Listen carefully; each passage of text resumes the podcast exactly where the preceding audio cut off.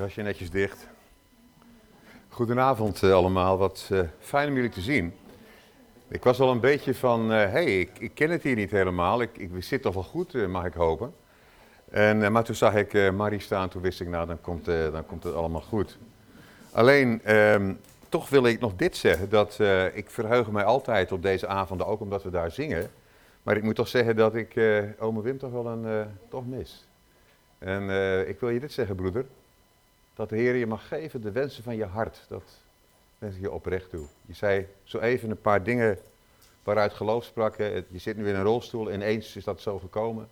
En uh, ja, dat doet me wel wat. Maar ik ben oprecht blij dat jij, dat jullie hier zijn. Maar ik mis toch echt het spel. Maar goed, we, we zingen wel, dus wie weet, ja. Ik wil, um, we hebben, gaan het dus inderdaad hebben over de uittocht, de Exodus. En dat vinden we in Exodus, ja, daar heb je het natuurlijk. Exodus hoofdstuk 13, daar wil ik graag gaan lezen. Ik wil jullie, voordat ik daar ga lezen, een illustratie vertellen. Iets wat mij onlangs is overkomen. En dat was het volgende. Ik eh, prijs mij gelukkig dat ik in allerlei kerken en gemeenten spreek. Dat varieert van een Griffmeer de Bondsgemeente. Ik stond zelfs ooit op de kansen van een hersteld hervormde kerk. Maar ook in Pinkstergemeente en alles wat daar zo'n beetje tussenin zit. Ik vind dat wel leuk. En als mensen dan aan mij vragen, maar uh, wat, uh, wat is je achtergrond dan? Dan zeg ik, nou, ik ben een um, baptistische christelijke met een Pinkstertik. En dan heb ik zo'n beetje heel Nederland, uh, christelijk Nederland daarmee te pakken. Maar het, sinds enige tijd, sinds dat ik betrokken ben bij Christen voor Israël, spreek ik ook wel eens bij Messiaanse gemeentes op zaterdag. En uh, laat iedereen zich vrij voelen. Als je op zondag samenkomt, prima. Op zaterdag, prima. Dat, Paulus zegt dat ook. Hè? Um, goed. Nou was het zo dat ik was daarvoor gevraagd om in Zeeland uh, te komen. En dat was, in, was eigenlijk in een heel korte tijd gegaan. Nou ja, de zondagen die zitten over het algemeen al een jaar of zo op voorhand vol. Maar niet zaterdag. En nou, nou oké, het, het, was in Zeeland. Alleen, ja, ik kom uit Zeeland. Ik had alleen geen idee waar. En um, ik vroeg dus aan degene die mij had uitgenodigd van, wat is het, het adres eigenlijk waar ik dan moet zijn? En dat was om um, half één, ja, half één op zaterdagmiddag. En ik kreeg het adres Noordweg 370 Middelburg. De zaak stond erachter Sint Laurens. Ik weet niet of mensen hier Middelburg kennen. Mijn vrouw komt daar vandaan. Uh, ik ben daar ook getrouwd in het Engelse kerkje. Of we zijn daar dus getrouwd. Dus niet alleen, maar zij was er ook bij. En... Um, en, en, en Noordweg 307, dat, dat zei mij niet zo heel veel eigenlijk. Toen zei ik tegen mijn vrouw, ik zeg, heb jij, ik zeg, ja dat is in Sint-Laurens. Ik zeg, Ans, zou dat dat gereformeerde kerkje van Sint-Laurens zijn? Nou, zul je zeggen, het gereformeerde kerkje van Sint-Laurens. Oké, nou, wat ik daarmee heb is dat ik jaren, heb ik daar, zo één keer in het jaar kwam ik daar langs om te spreken. En sprak ik daar en ik vond het zo'n leuke, lieve gemeente. Te meer dat de opa van mijn vrouw, die had daar ooit nog eh, de, de dominis in zijn tijd vereeuwigd door daar portretten van te schilderen. Die man die kon fantastisch schilderen. En wijle mijn schoonmoeder heeft daar nog orgel gespeeld in dat Christmiddenkerkje daar in Sint-Laurens. Ja, niet eh, toen, toen, toen ik mijn vrouw leerde kennen, toen speelde ze al lang niet meer. Maar goed, dus ik kwam in dat kerkje en ik zag wel, ja, het werd eigenlijk steeds uh, minder. En ik bedoel met minder dat er letterlijk steeds minder mensen kwamen. Dat met name jonge gezinnen, ja, die zag je niet meer terug. En ik vond dat zo jammer. Ik dacht van, oh, ik vind het zo lieve, leuke kerk en leuke mensen allemaal, ja. En ze gingen samen met een andere kerk en toen hoorde ik dat een projectontwikkelaar had dat kerkje gekocht en zei, Jan Lauwersen, man waar ik ook al twee keer mee in Israël geweest ben, die ook in die kerk zat, zei, ja, hij zegt, het wordt waarschijnlijk verkocht en er wordt er een, een woonhuis van gemaakt. Vervolgens zie ik staan Noordweg 370. En ik rijd erheen. Ik denk, jongen, het lijkt toch wel dat kerkje, maar dat kan niet. Het is verkocht aan een projectontwikkelaar en er wordt een woonhuis. Vervolgens kom ik daar en zie ik een loof, loofhut voor die kerk staan. Dit is het toch echt? Lang verhaal kort, het blijkt dat de Messiaanse gemeente, die uh, heeft dat kerkje. En ik heb daar een dienst meegemaakt, ik mocht daar dan ook spreken. En het was echt geweldig. Het was een volle kerk, met uh, jongeren en ouderen, jongeren en oudere gezinnen, alleengaande. Het, het was echt fantastisch. En toen vroeg ik aan de voorganger, Willem Dane, ik zei, hoe zit dat verhaal? Hij zegt, nou moet je luisteren, dit is gekocht door een projectontwikkelaar. De man is christen en die gunt dat ons. Hij heeft mij verteld van wat zij ervoor betalen voor de kerk en, het hele, en plus de pastorie. Nou, dat is echt een schijntje. Hij zegt, deze man kan 1000 euro per maand meer krijgen als hij dat zou, op een andere manier zou verhuren. Maar hij heeft besloten, ga ik niet doen, is jullie gegund. Nou, toen dacht ik van, waarom ik dat nou vertel, hè? Omdat ik dacht, ah, nou ja, dat is dus verloren. Ik zei, ja, maar hang je aan een gebouw? Nee, en ook weer soms toch weer wel. Ik bedoel, daar hebben generaties hebben daar gebeden. Het gebouw is 100 jaar oud. Ik dacht van ja, hè, projectontwikkelaar, eh, dat gaat gewoon om zo snel mogelijk eh, veel geld te verdienen. In beide gevallen blijkt, lieve mensen, dat de projectontwikkelaar in dit geval wel degelijk eh, inzicht en passie heeft hiervoor. En dat er een levende gemeente was ontstaan. En dat wil ik ook vertellen om jullie te bemoedigen. Weet je, dat je soms denkt, jongen, ja, vergeet het maar. Maar dat wij leven met de God van de uittocht. En dat gaan we nu bekijken in Exodus hoofdstuk 13 vanaf vers 17. En inderdaad, we hebben drie avonden, dus ook volgende week deel voor lente, maandag, zelfde plaats, zelfde tijd en ook de week daarna. Steeds over die uittocht, steeds verschillende gedeelten. En inderdaad, wat kunnen wij hier nou van leren? Dus Exodus 13 vanaf vers 17, deze woorden. Toen de farao het volk had laten gaan, is het gebeurd dat God hen niet leidde langs de weg door het land van de Filistijnen. We kennen dat als de Gazastrook tegenwoordig.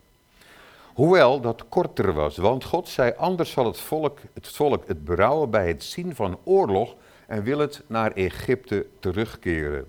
Daarom leidde God het volk om langs de weg door de woestijn naar de Schelfzee. In slagorde trokken de Israëlieten uit het land Egypte. En Mozes nam de beenderen van Jozef met zich mee, want die had de zonen van Israël plechtig een eed laten zweren. En gezegd, God zal zeker naar jullie omzien. En dan moeten jullie mijn beenderen hier vandaan met jullie meevoeren. Ze braken ze op uit Sukkot en sloegen hun kamp op in Etam aan de rand van de woestijn. De Heere ging voor hen uit, overdag in een wolkkolom om hun de weg te wijzen en s'nachts in een vuurkolom om hun licht te geven, zodat zij dag en nacht verder konden trekken. Hij nam de wolkkolom overdag en de vuurkolom in de nacht niet weg voor de aanblik van het volk. We lezen nu nog in hoofdstuk 14 tot en met vers 13 deze woorden. Toen sprak de Heer tot Mozes, spreek tot de Israëlieten en zeg dat zij terugkeren en hun kamp opslaan voor Pihagiroot tussen Migdol en de zee voor Baal Zephon. Daartegenover moet u uw kamp opslaan bij de zee. De farao zal dan van de Israëlieten zeggen, ze zijn in het land verdwaald, de woestijn heeft hen ingesloten. En ik zal het hart van de farao verharden, zodat hij hen achtervolgt. Dan zal ik ten koste van de farao en ten koste van heel zijn leger geëerd worden, zodat de Egyptenaren zullen weten dat ik de Heere ben en zo deden zij.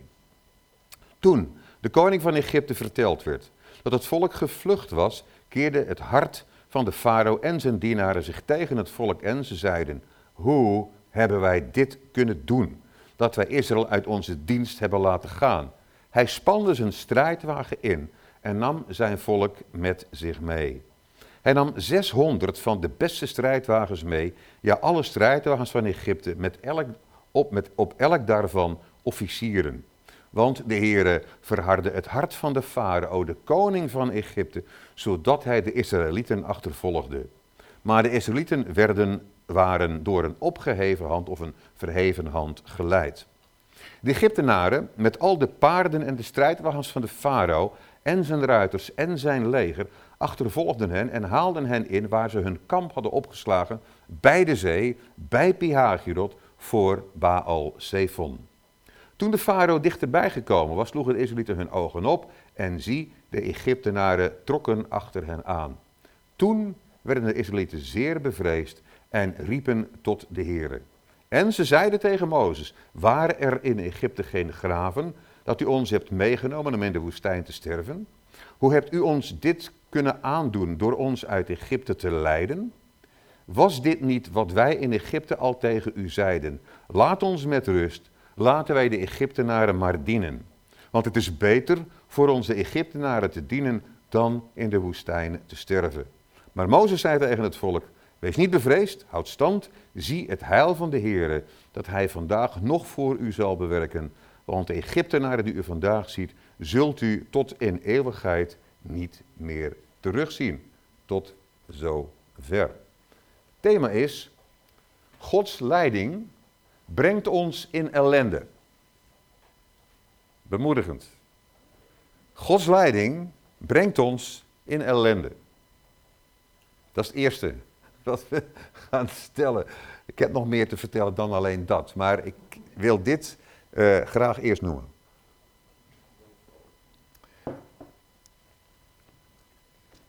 Er is geen geschiedenis meer definierend, bepalend voor het Joodse volk dan de uittocht, de exodus. Het vertrek. Het vertrek, exodus. Weggaan uit. Dit wat hier is gebeurd, is bepalend voor de geschiedenis van het Joodse volk. Je kunt Israël niet verstaan, niet begrijpen, zonder het begrijpen van wat hier is gebeurd. Het Pesach, weten we, is een van de grote feesten van het Joodse volk. En wat er dan herdacht wordt, dat is iets wat we niet hebben gelezen. Namelijk, wij zijn begonnen te lezen bij vers 17 van Exodus 13, waar staat, toen de farao het volk had laten gaan, is het gebeurd dat God hen niet leidde langs de weg door het land van de Filistijnen, hoewel deze de naaste of de kortste was. De farao liet het volk gaan. Alleen, daar ging nogal wat aan vooraf. Het was niet, we kennen denk ik de geschiedenis wel, ik zal zo meteen de belangrijkste situatie daarin noemen. Niet zo dat Mozes en Aaron bij de farao kwamen en zeiden van, uh, farao, we zijn hier met een opdracht, we weten van God dat het volk, het Joodse volk, moet uit het land Gozen kunnen vertrekken en naar het beloofde land. En dat de farao vervolgens zei, fantastisch heren, wat kan ik doen om jullie daarbij te helpen? Dat weten we, dat dat precies tegenovergestelde was. Wat de farao zei, dat was no way. Ga niet gebeuren. En dan zien we dat er een aantal plagen komen. Ik pas nog in een uh, bijbelquiz. Mijn vrouw en ik waren op uh, camping La van Beteruit. Souillac en de Dordogne zijn we augustus, september uh, nog geweest.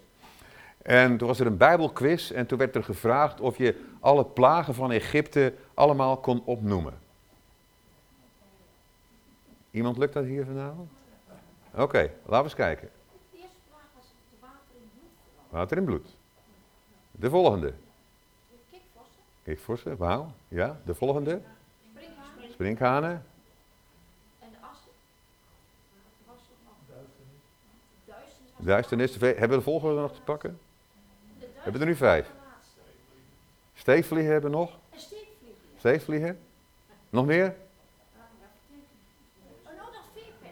Veepest, hagel, stenen van Barat. Ja, we komen er wel. Ja, We komen er wel.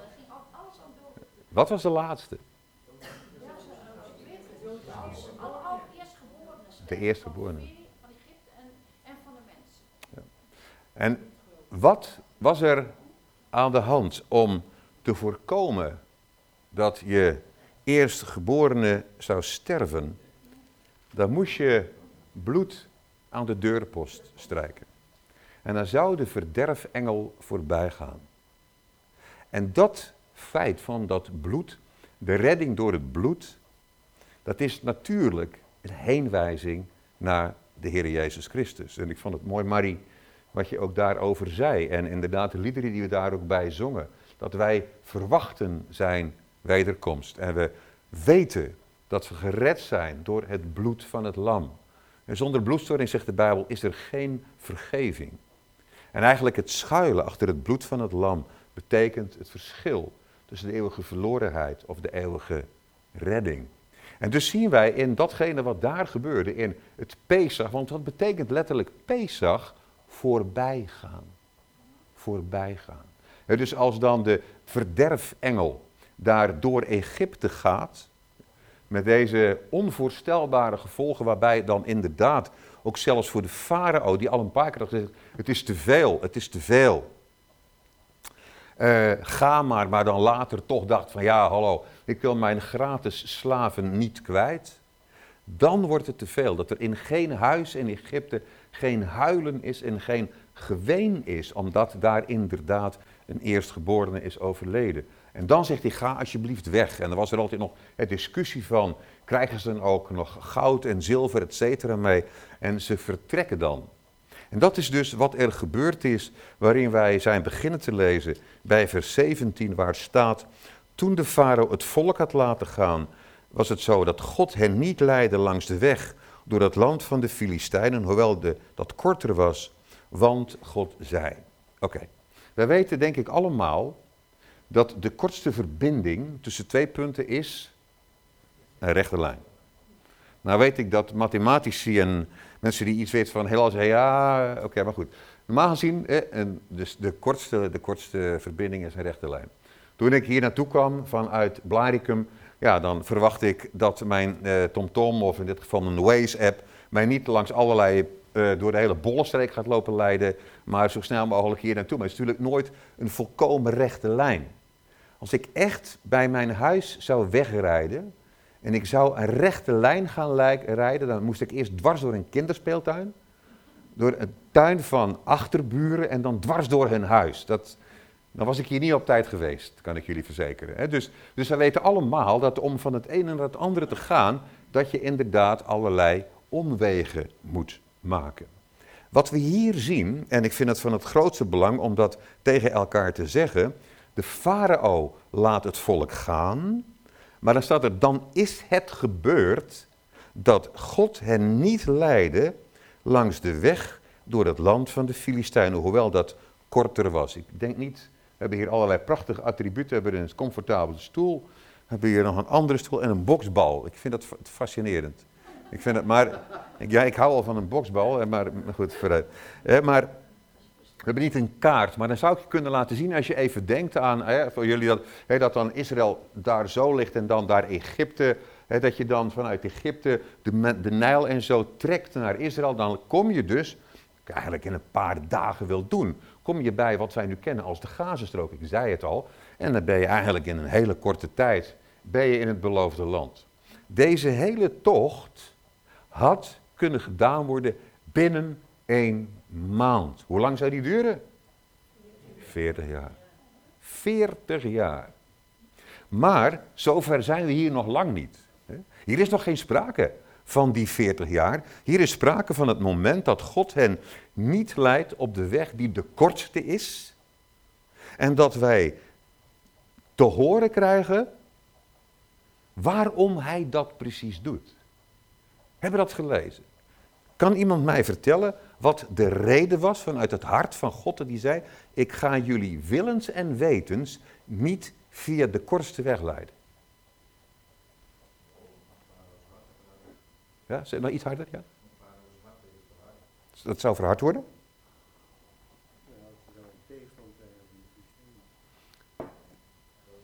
Dat zie ik nog niet meteen, maar oké. Maar er staat, God zei, anders zal het het volk berouwen bij het zien van oorlog, met de Filistijnen zou kunnen, en wil het naar Egypte terugkeren. Dus wat is de reden? Dat God zegt, ik weet wat er gaat gebeuren. Ik ga jullie willens en wetens in een situatie brengen van oorlog en van ellende. Wacht even, wacht even. Maar, maar ho, ho, ho. Ik heb toch altijd dingen gehoord over Gods leiding, dat dat is het beste wat je kan overkomen. Is dat zo? Ja, absoluut. Zeker weten, dik onderstreept. Is het dat altijd het makkelijkst? Nee. Marie, we hebben niet, ik, ga, ik ga niet mekaars gebed recenseren, maar ik vond het heel mooi wat je ook gezegd hebt over, over 50 landen waar christenen vervolgd worden. Ik kan je verzekeren dat een heleboel christenen zouden het een stuk makkelijker hebben als ze zeiden, nou ja, laat maar. ik, ik ga hier niet voor kiezen om hier te staan voor de Heer Jezus. En ze doen het wel. En dan vind ik nog altijd dat wij in ons land nog zoveel mogelijkheden hebben. En nu ook vanavond weer hier. Maar we zien dus dat de Heere God zegt: Ik ga jullie gereed maken voor de strijd. En ik ga dit doen, dat ik breng jullie in een positie, zodat jullie getraind worden voor de oorlog. En ik vind het in die zin eigenlijk wel ontzettend leuk dat hier die, die, die boksbal, bal, met alle respect, de boksbal, en het is nog een echte ook. Ik, ehm, mijn zonen zijn toevallig alle drie uh, nogal uh, geporteerd van gevechtsporten. Altijd bij, dat hebben ze van hun moeder. Oké. Maar ehm, ik weet, dat noemen ze dan zaktraining. misschien dat hier ook een aantal sportmensen onder ons zijn. dat, dat weet je, dan ga je dus inderdaad trainen. En je, dan, je ziet in films wel als iemand zijn blote vuist een ander knock-out. Nou, ik verzeker je, als je met je, je blote iemand in zijn gezicht raakt, dan breekt eerder jouw hand dan zijn gezicht over het algemeen. dus, maar je, je wordt gehard. En dan vind ik het leuk dat Marie heeft geregeld dat hier die bokszak hangt. maar het is eigenlijk te laten zien, het is een trainingsding om mensen klaar te maken voor de strijd. Dus er is een heel, en daarom, ik vind het zo bijzonder dat in de Bijbel heel veel illustraties staan van sport. Over hardlopen, over boksen vuistvechten, over worstelen. Allemaal dingen die de tot doel hebben om je uithoudingsvermogen te trainen en dat beter en sterker te maken. Dan kun je zeggen, Kees, dat is toch een beetje een macho verhaal. Oké, vooruit. Maar ik bedoel dit te zeggen. Of je inderdaad niet meer zo goed ter been bent, of in welke omstandigheid dan ook, wil God jou en mij gebruiken en trainen omdat hij iets voor jou en mij heeft. Omdat hij een betere weg heeft, omdat hij ons sterker wil maken in de strijd. Dat je bijvoorbeeld de pijn, mensen de pijn van echtscheiding meemaken of hebben meegemaakt of bij hun kinderen of kleinkinderen zien. Of dat je een geliefde hebt verloren. En dat je denkt, nou ben ik, ik voel me geamputeerd, hoorde ik eens iemand zeggen. En dat kan me, ik, ik, hoe kan ik me dat voorstellen? Ik heb niet, maar ja, mijn ouders, maar die zijn 86 en 90 mogen worden. En uh, godzijdank onze kinderen, kleinkinderen, gaat het goed mee. En ook met mijn vrouw en mij. Maar dat je beseft, lieve mensen, dat er dingen gebeuren waarbij je de vraag gaat stellen, Heer, waarom? Waarom? Waarom? En, en vertel mij niet dat, hè, en het kan zo zijn, dat je zegt, nou, die vraag heb ik nog nooit gehad. Nou, dat kan. Ik wel. Als ik Heer, bijvoorbeeld over zo'n kerkje waar ik het net over had in Sint Laurens. Dit is een groep bijbelgetrouwe mensen. Ik snap niet, nou ja, maar ook met, met, met um, ja, laat ik het maar gewoon zeggen bijvoorbeeld, met, met het overlijden van iemand die een hele goede vriend van was, met Jan Zijlstra. Kun je zeggen, ja, maar hij is 82 geworden, maar er zijn nog mensen in die gemeente overleden die jonger waren. Weet je, en, en ik, mijn vrouw en ik spraken Jan nog een tijdje geleden. Toen zeiden ik wil graag, ik wil eigenlijk 120 worden. Ja. Maar het ging toch anders.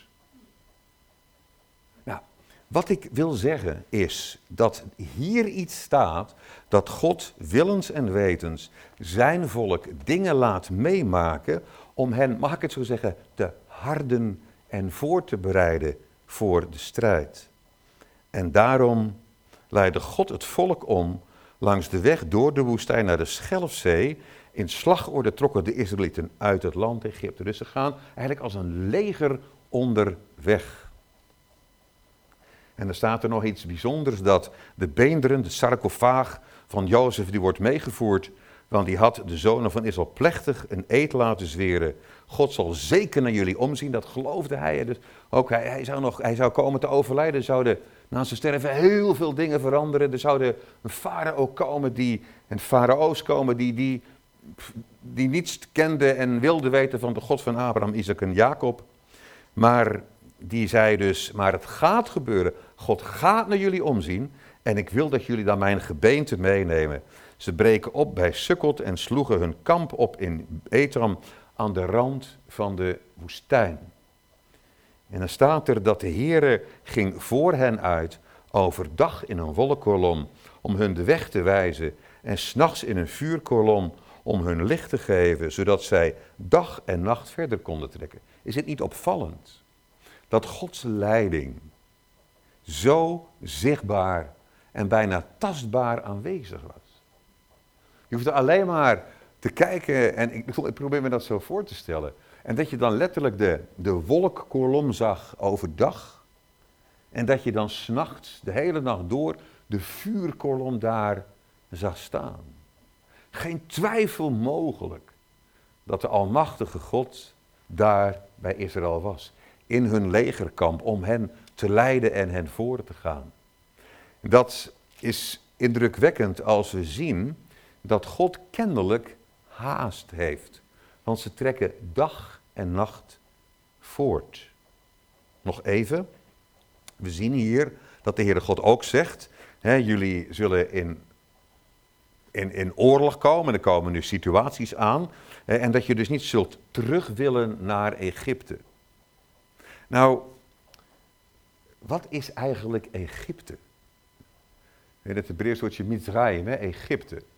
Het ligt aan zuidoosten van Israël. Egypte is een huis van slavernij. Egypte is een huis waar harde heren zijn, die slaven maken en slaven willen houden. Wat is de periode, lieve mensen, vraag aan jullie, waarin de meeste slaven gehouden zijn in de geschiedenis van de mensheid? Welke periode is dat? Weet iemand dat? Nu. Nu. Serieus. Anno 2021 zijn er meer slaven en zijn er zelfs slavenmarkten. En dat heeft veel te maken met, met personeel, met ook het sex trafficking, zo heet dat dan, hè, dus prostitutie. Slaven zijn er nog van alle tijden. En als je, ik ken ook mensen als, ik weet niet of je dat kent, International Justice Mission, zegt iemand dat wat? Dat zijn mensen, en ik ken een aantal, dat zijn onverschrokken christenen, die bijvoorbeeld gaan naar echt naar bordelen waar meisjes van 10, 11, 12 jaar zitten in India en andere om ze daaruit te halen. Dus het is, er is, denk niet, ja dat was van vroeger, de slavernij. In onze tijd noemen wij dat ook wel een verslaving. En wat is de Bijbel, wat beschrijft de Bijbel als verslaving? Door wie, ik weet niet of je die tekst kent, door wie je overmeesterd bent, diens slaaf ben je. En dat je mensen tegenkomt die zeggen, ik kan, ik kan er echt niet, nee, ja, ik, ik weet wat niet goed voor me is, maar ik, ik kan niet anders. Verslaving. Wat ik zo mooi vind is, de Heer Jezus maakt mensen vrij. Hij maakt mensen vrij. En Paulus zegt, alles is mij geoorloofd, maar ik zal me door niets laten knechten. God maakt mensen vrij. En hier wordt een compleet volk bevrijd uit slavernij. Hoe zou je ooit kunnen terugverlangen naar slavernij waarbij je geen enkel eigen recht hebt? Hoe zou dat ooit kunnen gebeuren? Toch kan het gebeuren. Ik was eerder gezegd tegen jullie, we in het andere gebouw zaten. Ik ken een aantal mensen die ooit op een bepaald moment gelovig waren. En op een of andere manier heeft hun geloof schipbreuk geleden. En ik zei dit vertellen. Ik heb die mensen daar nooit, maar dan ook nooit beter van zien worden. Ik sprak ooit iemand, ik, heb ooit, ik ben ooit met die gast afgestudeerd. Ik was ooit nog een tijd zijn baas, ooit bij de EO. En zo zijn nog momenten dat ik, Heer, bid van Heer, red hem, breng hem terug. En door een stuk teleurstelling, waarin hij van God iets anders had verwacht dan er gebeurde, heeft hij zijn hele geloof laten varen. En toen ik hem sprak, toen zei ik, ik zei, jongen, kom naar huis. ik ben thuis. Hij man, heel de vreugde is uit zijn ogen verdwenen. Hoe kun je nou verlangen terug naar de slavernij? Toch gebeurt het. Dat het kennelijk zo is. Dat de dingen die je meemaakt als geloof, en ik, dit is een ernstig woord, lieve mensen, ook, ook voor mezelf. Dat er dingen kunnen gebeuren dat je, het hoeft voor mij niet meer. En de Heer God zegt, ik wil jullie als volk. En dat is ook de toepassing mede voor ons mensen. Ik wil jullie iets laten meemaken wat zo onvergetelijk zal zijn. Wat jou wat de basis legt voor een overwinnend leven. We zien waar ze gekomen zijn en we zijn toen verder gaan lezen in Exodus 14. Als je het nog even met mij volgt, staat er het volgende. Toen sprak de Heere tot Mozes. Let wel. Ze hoefden echt niet te gaan gissen. Mozes, welke kant moeten we uitgaan? God geeft zeer duidelijk leiding. En hij moet zeggen tegen de Israëlieten: zeg dat zij terugkeren. Wat?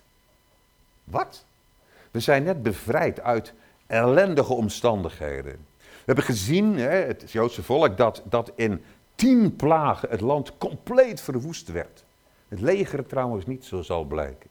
Maar dat de hele, we noemen dat infrastructuur van het land, gewoon aan flarden was, in duigen was. En het is opvallend tussen haakjes, ook als het gaat over de historische betrouwbaarheid van de Bijbel, en die neem ik absoluut van Genesis tot en met Openbaring. Maar er, is, er wordt wel eens gezegd, wat vinden wij terug van deze verwoesting van een complete natie in de geschiedenis van, uh, van dit land? En dan blijkt dat er een moment is dat, dat Egypte compleet verwoest is. En dat dan de Hyksos, en dat zijn de Grieken, zelfs moet je je voorstellen, Griekenland, hè, wat nogal ver weg ligt, zeker, uh, dat, dat de Grieken zelfs um, uh, Egypte innemen en dat het compleet verwoest blijkt te zijn. Maar goed, hier staat dat God dus spreekt en dat hij zegt, keer terug naar deze puinhoop, naar dit land van slavernij. En dan staat er, ze moeten hun kamp opslaan voor Pihagiroot tussen Migdol en de zee, voor Baal Zephon. Daartegenover moet u uw kamp opslaan bij de zee. Heeft iemand enig idee wat die namen Pihagiroot, Migdol en de Baal Zephon betekenen? Oké, eerst Pihagiroot. Pihagiroot betekent letterlijk de mond van het moeras of de mond van de afgrond. Hallo, dat is lekker. Dus je gaat ofwel het moeras in of de afgrond in. Die andere naam, Migdol. Een Migdol is een versterkte vesting. Een Migdol is, zou je kunnen zeggen, een bunker. Als ik hier aan het Noordzeestrand uh, dingen kan zien, dan zie je soms nog hè, die restanten van die bunkers. En, en dan denk je, waarom hebben ze dingen niet opgeruimd? Dan zeg je, ja, moet je eens kijken naar die muren. Hè. En dat is ook een soort herinnering van hoe het ooit hier was. Hè. Een, maar een aantal generaties geleden. Dus de Migdol is een versterkte vesting, een soort van bunker zouden wij zeggen. En de zee, de Schelfzee, en de Baal Zephon. Wat is de Baal Zephon? Baal Zephon betekent letterlijk de Heer uit het noorden. De Heer van de koude, kun je het ook vertalen. Daartegenover moet u uw kamp opslaan bij de zee. Lieve mensen, mijn stelling is vanavond, maar niet alleen dat hoor, dat Gods leiding hier hen in de ellende brengt. Ben je het met me eens? Piagiroot aan de ene kant. Een versterkte vesting aan de andere kant. Nee, dus de, moeras of de afgronden. En daar de Baal. Wat was de Baal? De Baal dat was eigenlijk een, ook een soort van vesting.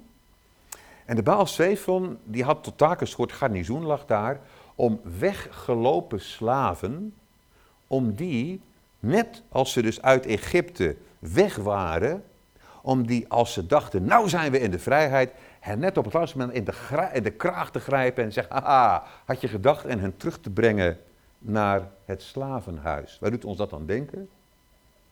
Amerikaanse burgeroorlog. Het noorden en het zuiden. Hè? Amerikaanse burger, vreselijk wat daar is gebeurd. En hoe bestaat het, dit afschuwelijke racisme. Dat donkere mensen geknecht werden. En als je de film, ik vond hem zo indrukwekkend, 12 Years a Slave. Heeft iemand die film gezien? Is echt indrukwekkend. En dan zie je dat iemand die eigenlijk een, een vrij is. Stel je voor hoe je mensen op grond van huisleer slaaf kunt. Onvoorstelbaar. Maar, maar, maar het is gebeurd. En dat je de zuidelijke staten helaas dat heel lang intact gehouden hebben. En 12 Years a Slave. Dat is een film die laat zien dat iemand op een bepaald moment op de verkeerde plek is of wat dan ook, een soort van gekidnapt wordt. Een man die, die, die niet een slaaf meer is, maar een vrije. Meegenomen wordt naar het noorden en daar uiteindelijk toch nog kan ontsnappen na, ontsnappen na twaalf jaar. We hebben de film, mijn vrouw en ik, Harriet gezien. Ik weet niet die film heeft gezien. Hetzelfde verhaal. Het schijnt echt gebeurd te zijn. Een mevrouw, een toegewijd christen. Hij werd op RTL 7 uitgezonden en er zit heel veel getuigenissen. Maar hetzelfde. Hoe slaven op het laatste moment in de kraag gepakt konden worden. Dat je denkt, ah, de vrijheid. En dat had je gedacht. Dat is een beeld, lieve mensen, van ontmoediging. Een beeld van ontmoediging. En daar leidt God hen heen. Maar wacht even. Waarom doet God dat? Nou, we weten de reden. Maar hoe kan het dat God hen in een zo'n strategisch verschrikkelijke positie brengt? Maar het is strategisch het slechtste wat je kunt doen. Hier, hier geldt letterlijk, je kunt geen kans meer op.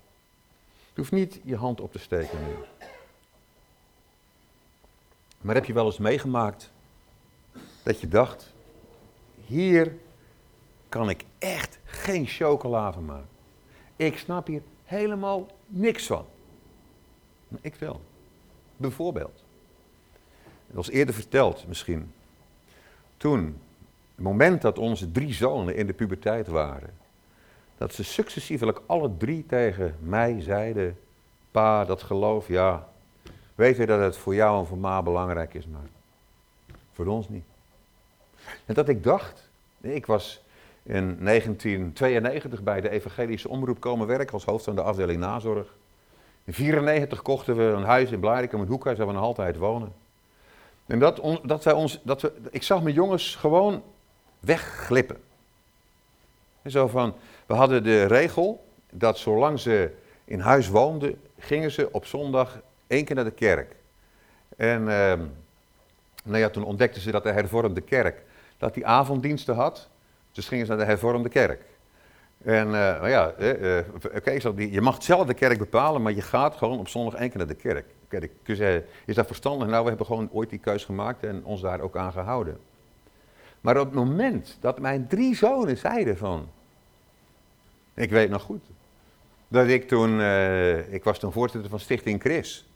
En, uh, en ik zei toen, uh, ik heb al eerder verteld hoor, maar toen zei ik uh, tegen Peter Vlug senior, voor degene die Peter Vlug senior kennen, van opwekking.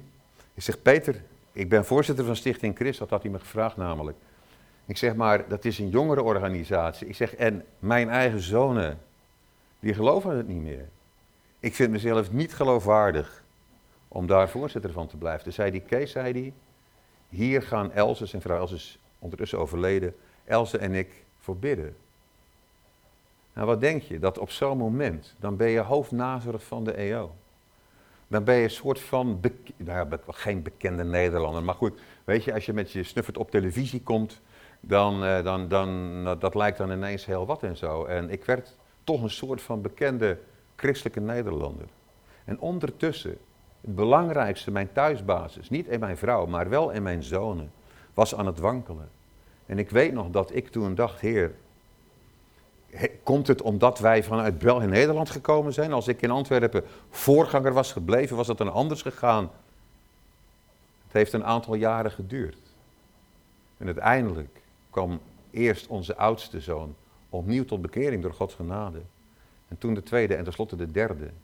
En ik weet nog goed dat op een bepaald moment zat ik eh, bij opwekking in Biddinghuizen. We hadden van corona nog nooit gehoord natuurlijk. En we zaten daar met z'n, wat was het, vijftigduizenden. En ik, uh, ik zei uh, tegen, uh, ik was met Peter Vlug aan het praten daar in de ruimte. En toen kreeg ik een telefoontje en ik zag dat dat mijn jongste zoon Joel was. Hij zegt, pa, hij zegt, hij zegt ik ben ik ben hier op opwekkingsconferentie. Ik zou het leuk vinden om je even te ontmoeten. Ik zeg, oh wat leuk man. Ik zeg, nou, weet je wat je doet, Joël? Ik zeg, loop even naar uh, dat, die, die ruimte voor die grote tent. Wie kent opwekking? Oké, oh. um, die opwekking, daar staat een groot kruis. En daar ontmoeten we elkaar dan. Maar ik sta met Peter vlug te spreken. En Peter en Else hadden, of, en baden voor onze zonen, maar hadden ze nog nooit ontmoet. Ik zeg, Peter, ik zeg, kom mee. En Peter en ik, wij lopen daar naar die plek en daar letterlijk aan de voet van het kruis ontmoeten Joel van Velzen en Peter Vlug elkaar. Hij zegt, Peter, dit is een van die zonen waar jij voor gebeden hebt. En ook mijn ouders hebben ervoor gebeden. En toen later zei oh, wat een indrukwekkende man was dat. Weet je, maar, en dat bedoel ik te zeggen, ja, dat is een happy end. Hè? En, en ja, maar ik wil dit zeggen, dat het moment dat je zonen je aangeven van, joh, het hoeft, dat hoeft niet meer voor ons. Weet je, dat is iets voor jullie, maar niet voor ons. Ik weet nog dat ik dacht, heer, maar waarom? Heb ik een fout gemaakt? Waar is het misgegaan? Ik weet nog dat mijn toenmalige secretaresse, Liedeke Roelsema, die had een lijftekst en dat was deze. Tenzij de graankorrel in de aarde valt en sterft, brengt zij veel vrucht voor. En ik wist op dat moment, toen ze dat ooit tegen me zei, dat God mij duidelijk maakte, Kees, jij denkt dat je aardig wat kunt misschien, hè? Maar dit kun jij niet. Je zult dit moeten overgeven aan mij. Tenzij de graankorrel in de aarde valt en sterft, brengt zij veel vruchten. Maar Heer, het is een pijnlijk proces. Weet je, nog een tekst in dat verband is een tekst in Jacobus, waar dit staat. Hij groet eerst de stammen in de verstrooiing en dan zegt hij: Wees blij als je in allerlei beproevingen terechtkomt. En ik weet nog, ik zeg: Wat? Ik vind het helemaal niet leuk. Want de beproeving, die gaat doorwerken tot volmaaktheid. En een van mijn belangrijke dingen die ik vanavond wil zeggen, door Gods genade, is deze. Lieve mensen, welkom in de strijd. Dat is wat de oude christen tegen elkaar zeiden. Als je gedoopt werd, zeiden ze, welkom in de strijd. Ja, maar ik, heb, ik, ik hou helemaal niet van strijd. Welkom in de strijd. Maar we gaan zien wat er verder gaat gebeuren.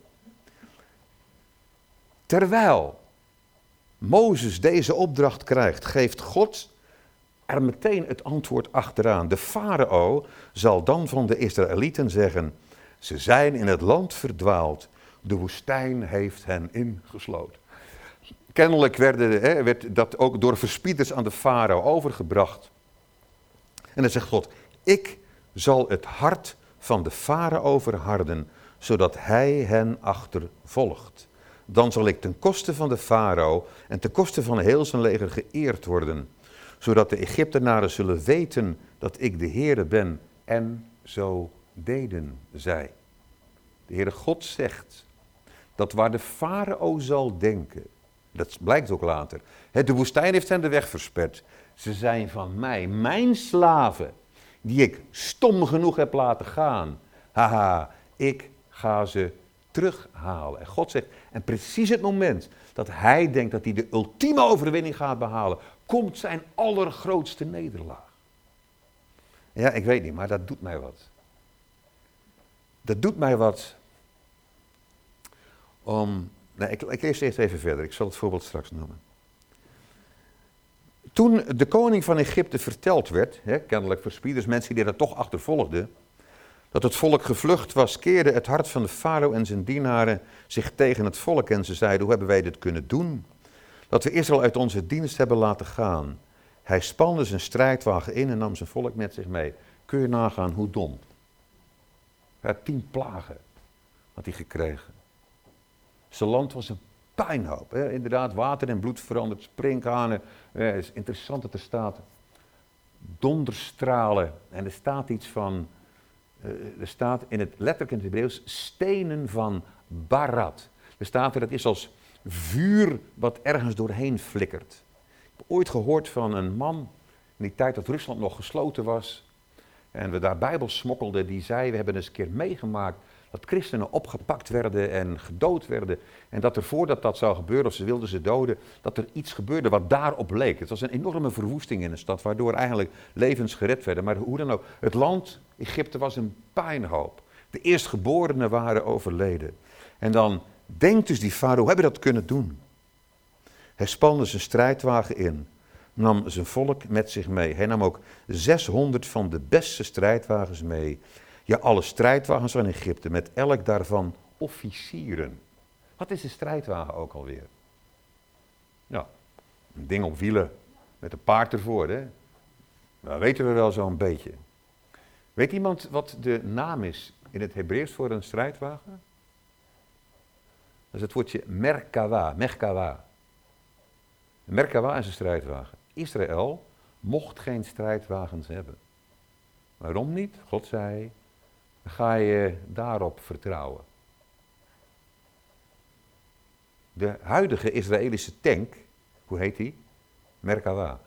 Zeg ik dat ze geen tanks moeten hebben, ik denk dat nu iets andere situatie is, maar nogmaals, tegen die tank ben je absoluut kansloos.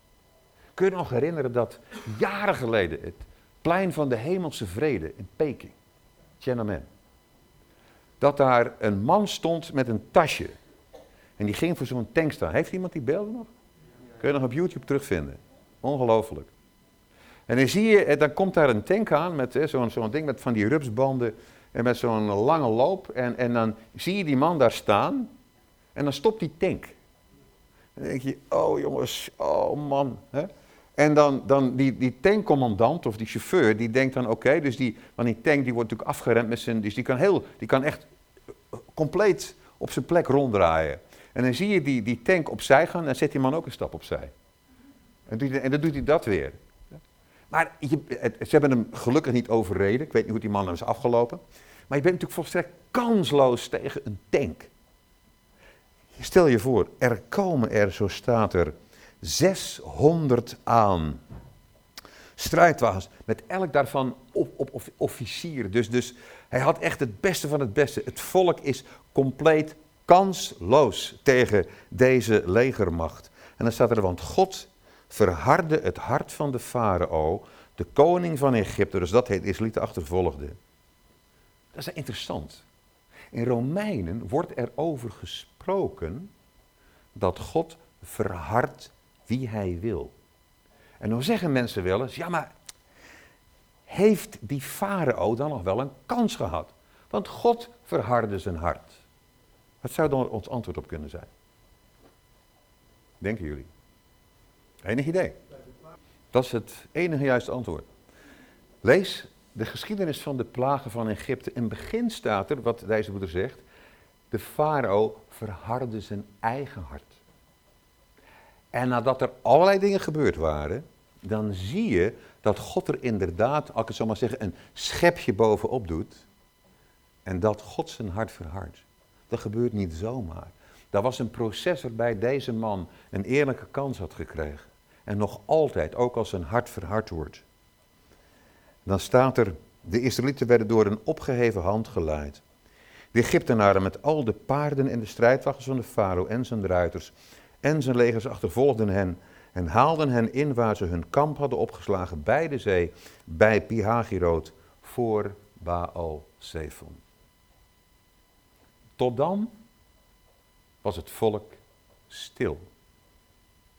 Je hoort van geen enkel protest op het moment dat ze niet de weg gaan die de kortste is. Dat hoort het volk niet. Je hoort ook niet het volk als ze terugkeren naar die strategisch zo bizarre plek, namelijk Pihagirot, Baal Zephon en de Migdol en de zee. Dan hoor je ze niet. Wanneer hoor je ze? Je hoort ze dat toen de farao dichtbij gekomen was, de Israëlieten hun ogen opsloegen en zie, de Egyptenaren trokken achter hen aan. Toen werden de Israëlieten zeer bevreesd en riepen tot de Heer. Het lijkt, lieve mensen, alsof dit, wat nu gebeurt, die strijdwagens die er aankomen, denderen. Ik zie die stofwolken als het ware omhoog komen en die paarden snuiven en die mannen daarop staan en zeggen, we zullen dat volk even leren. Ze hebben, ze hebben het vrouwen en kinderen en ze hebben vee bij zich. Ze zijn compleet kansloos. We maaien ze omver. als het volk hen ziet aankomen, dan staat er dat ze letterlijk doodsbenauwd werden. Er staat weliswaar dat zij tot de Heere riepen. Ik wil niet gaan psychologiseren hier, maar vergun mij toch even dit kleine uitstapje. Ik vind het een van de allermooiste dingen. Dat als iemand tot geloof komt in de Heer Jezus, wordt gered. Hè, dat die persoon dan, hè, daar staat de Bijbel zegt zo mooi, zie, het oude is voorbij gegaan, zie, het nieuwe is gekomen. Zoiets moois. Ik zeg wel eens, er zijn bij God geen kansloze types. Ik, ik vind het zo mooi, een van de allermooiste dingen vind ik dat ik zie dat mensen tot verandering komen. Dat mensen ook in een proces komen waarin de Heer Jezus hun leven verandert. En dat je daar nooit over uitgedacht en uitgeleerd raakt. Ik mag dan nu 68 zijn, maar dat ik denk elke dag dan opnieuw merk ik dat God aan het vormen is, aan het kneden is. En dat dat, dat, dat, dat ook in je huwelijk is het ook zoiets. Weet je, ik, ik, ik ken, ik heb al eens gezegd, misschien één stel mensen. Dat zijn Frank en Ariane van Hoof uit Wilrijk in België. Die hebben acht kinderen grootgebracht en nog nooit ruzie met elkaar gehad. Serieus. En als ik ze zie, dan vraag ik elke keer, en? Dan zeggen ze, nee Kees. Jongens, we moeten busreizen daar naartoe organiseren. Want in mijn vrouw mij is het wel eens anders gegaan. Maar dat je merkt dat God je ook in je huwelijk kneedt en vormt en anders maakt. Maar hier zie je dat als ze in die mogelijke positie zijn, dat dan eigenlijk al die wanhoop en die pijn van het verleden, dat die in razende vaart op hen afkomt. En ik spreek ook wel eens mensen die zeggen, Kees, door Gods genade heb ik dingen mogen overwinnen. Bijvoorbeeld hè, iemand probleem met alcoholisme of zo, of met seksverslaving of wat dan ook. En, en jaren in de overwinning leeft. En in één klap komt het terug. En iemand zegt, Kees, zie je, ik, ik, ik, ik, ik dacht, ik, en het, zie, het stelde allemaal niks voor. Dus ik, nee, man of vrouw, het stelde wel wat voor. Je hebt in die afgelopen jaren overwinning meegemaakt. En je wordt nu beproefd en aangevallen. Welkom in de strijd. En is het dat, is het dat symbool uit het verleden, wat ze hier op zich zien afkomen. Ze riepen tot de Heer en ze zeggen dit tegen Mozes. Waren in Egypte geen graven dat u ons hebt meegenomen om in de woestijn te sterven? Hoe hebt u dit met ons kunnen doen door ons uit Egypte te leiden? Je zult maar leider zijn, niet altijd makkelijk. Was dit niet wat wij in Egypte al tegen u zeiden? Laat ons met rust. Laten wij de Egyptenaren maar dienen, want het is beter voor onze Egyptenaren te dienen dan in de woestijn te sterven. Dit is wat er gezegd wordt. Zie je, foute keuze, slecht iets. We zijn hier in de ellende gekomen. En dan komen de woorden van Mozes. Wees niet bevreesd, houd stand, zie het heil van de Heer dat Hij vandaag nog voor u zal bewerken. Want Egyptenaren die u vandaag ziet, zult u tot een eeuwigheid niet meer terugzien. Mozes, de leider tegen wil en dank. Dit is wat hij zegt. En wat ik geloof dat ook voor ons tenslotte vandaag mag gelden. Hij zegt, wees niet bevreesd. Wees niet bang. Is zo'n liedje, je hoeft niet bang te zijn. Je hoeft niet bang te zijn. Het schijnt, iemand heeft dus uitgerekend of geteld. Het schijnt 366 keer in de Bijbel voor te komen. Dat vind ik een mooi getal. Dat is voor elke dag. En plus zelfs een schrikkeljaar. Je hoeft niet bang te zijn. Ja, je hoeft niet bang te zijn. Wees niet bang. En dat vind ik zo mooi dat hij dan dit zegt. Houd stand. Lieve mensen, houd stand. Dit is geen stoere macho-taal. Integendeel, dit is ontstaan in, de, in het hitte van de strijd. Houd stand, zie het heil van de Heer, dat Hij vandaag nog voor u zal bewerken. Dit is geloofstaal. Dit is geloofstaal. Mozes spreekt hier het volk toe. En ik, dan denk ik, terwijl hij om zich heen kijkt, Pihar, groot Megdol, Baal, Zephon, en daverend leger wat er aankomt, zijn dit de woorden die hij spreekt. En dan zegt hij er nog iets bij, ik heb het niet gelezen, maar ik lees het erbij. De Heere zal voor u strijden en u moet stil zijn. Lieve mensen, daar wil ik mee eindigen. Ik weet niet wat u of jij allemaal meemaakt op dit moment. Misschien dat je zegt, Kees strijd, moi, moi, rustige periode. Nou ja, ik weet van mensen die zeggen van nou, ik, uh, hm, ik, uh, ja, ik maak wel mee. Ja. Ja. Lieve mensen, in welke fase je ook mag zitten. Dan zit je op dit moment in een situatie waarvan je denkt, ik kan letterlijk geen kant meer op. Dit is wat Mozes zei.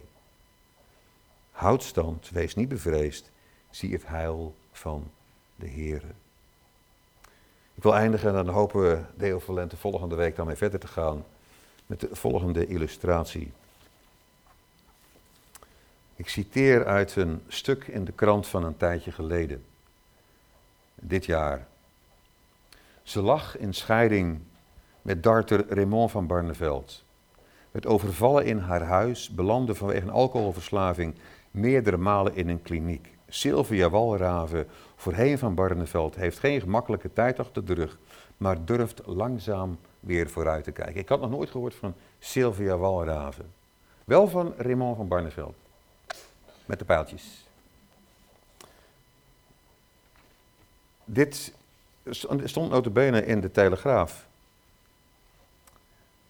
Ze vertelt dat ze elkaar, Raymond en zij, de Sylvia, elkaar 25 jaar geleden leerden kennen in een snackbar waar ik werkte. Had een uh, lange relatie, had ze achter de rug, twee kleine kindjes, et cetera. Maar uiteindelijk, uh, nou, ze krijgen een relatie met elkaar.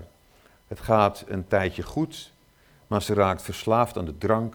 Dan dacht ze elke morgen als ze opstond, wat, wanneer en hoeveel kan ik drinken vandaag? En dan vertelt ze, uiteindelijk ging het toch beter. Ze ging naar een afkikkliniek.